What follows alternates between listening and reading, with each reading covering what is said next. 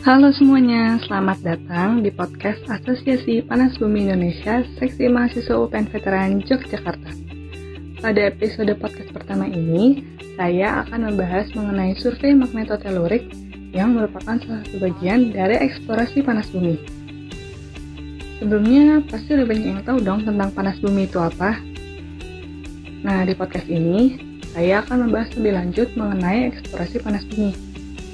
Pertama-tama kita bahas dulu yuk mengenai panas bumi. Panas bumi adalah sebuah sumber energi panas yang terdapat dan terbentuk di bawah permukaan bumi. Sumber panas bumi yang ada di suatu daerah tertentu perlu diteliti untuk mengetahui sifat fisika dan kimia yang terkandung di dalamnya. Survei geofisika memainkan peran yang sangat penting dalam memetakan lapisan permukaan, terutama dalam eksplorasi panas bumi ini. Nah, salah satu metodenya adalah yang akan kita bahas nih di podcast ini, yaitu metode magnetotelurik. Metode ini merupakan metode pasif yang memanfaatkan sumber dari alam berupa gelombang elektromagnetik untuk mengetahui konduktivitas batuan di bawah permukaan bumi dari kedalaman beberapa meter hingga puluhan kilometer. Metode ini tujuannya apa sih? Nah, metode ini bertujuan untuk mengidentifikasi struktur bawah permukaan pada daerah penelitian berdasarkan sebaran nilai resistivitas dan membuat model sistem panas bumi pada daerah penelitian. Perpaduan metode audio magnetotelurik dan magnetotelurik mampu memberikan gambaran sistem panas bumi yang lebih detail dari permukaan hingga kedalaman tertentu. Dengan menggunakan metode ini, kita juga dapat mengetahui model konseptual, luas, serta batas reservoir pada panas bumi sumber medan magnet yang ada di dalam bumi itu dapat berasal dari dalam dan luar bumi, serta memiliki rentang frekuensi yang juga bervariasi terhadap waktu. Akan tetapi, yang dimanfaatkan pada metode ini hanya dalam luar bumi aja yang memiliki rentang frekuensi yang lebih besar.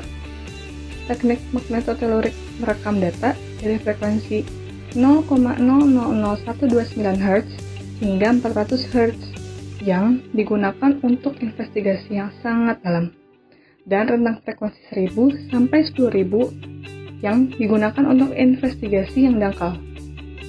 Sumber magnetik yang berasal dari luar bumi ini contohnya seperti peristiwa petir yang menyambar dan solar wind.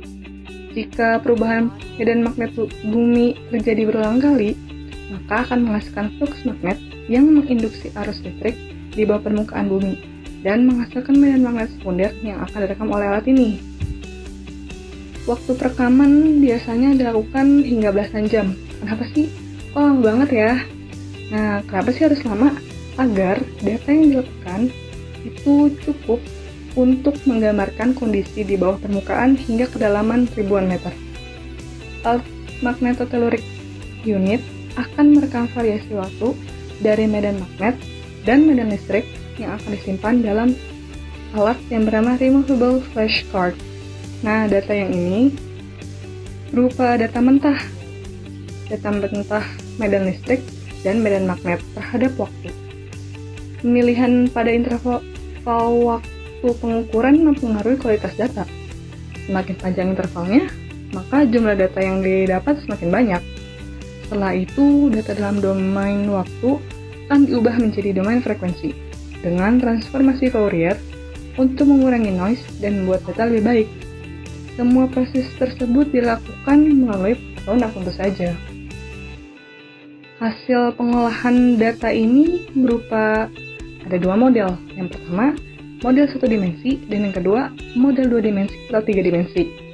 Model satu dimensi dapat berupa grafik resistivitas semu dan fase terhadap frekuensi, sedangkan pada metode dua dimensi atau tiga dimensi dapat berupa gambaran struktur resistivitas bawah permukaan terhadap kedalaman.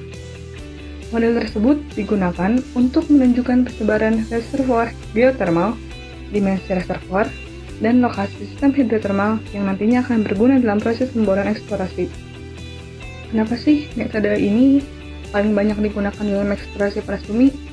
Karena kemampuannya dalam memetakan nilai resistivitas batuan di bawah panas bumi dan mampu memetakan lapisan permukaan hingga kedalaman bawah puluhan kilometer. Nah, gimana dong sekarang udah tahu tentang eksplorasi panas bumi, survei magnetosferik. Cukup sekian pembahasan yang dapat saya sampaikan. Jangan lupa ikuti perkembangan podcast dari kami agar tidak ketinggalan. Sampai jumpa, salam panas.